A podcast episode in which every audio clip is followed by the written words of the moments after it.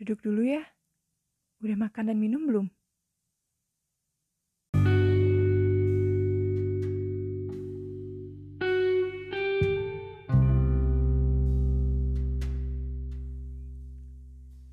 Untuk kamu yang merasa marah,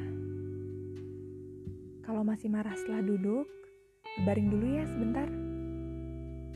Kasih waktu untuk tubuh kamu supaya bisa merasakan amarahmu tanpa harus menyakiti orang lain. Coba rasakan dulu. Rasa marahmu bukan karena lapar, kan? Tarik nafas sejenak. Keluarin. Marah itu perasaan yang normal kok. Beberapa emosi memang terasa menyulitkan dan menyakitkan. Tapi itu bukan berarti sesuatu yang buruk.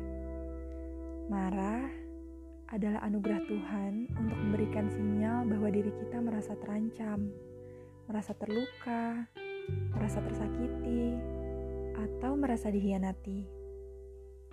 Gak apa-apa, gak usah melabeli diri kamu sebagai pemarah hanya karena kamu merasa marah. You feel the anger, but you are not the anger. Coba tarik nafas sekali lagi. Makasih ya. Makasih karena kamu udah bisa mengalahkan rasa marah dalam dirimu, meneguknya ke dalam dirimu.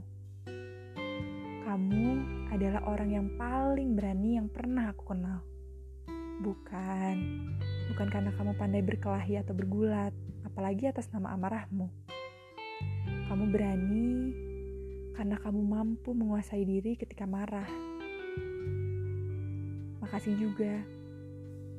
Makasih karena kamu masih mengingat orang lain. Berusaha mencegah dirimu untuk menyakiti mereka, terlebih mereka yang kamu sayang. Ini gak gampang. Tapi makasih udah milih jalan yang sulit ini. Makasih karena kamu udah memilih tanah licin berbukit ini dibandingkan tanah biasa yang datar itu. Kamu memang jagoan.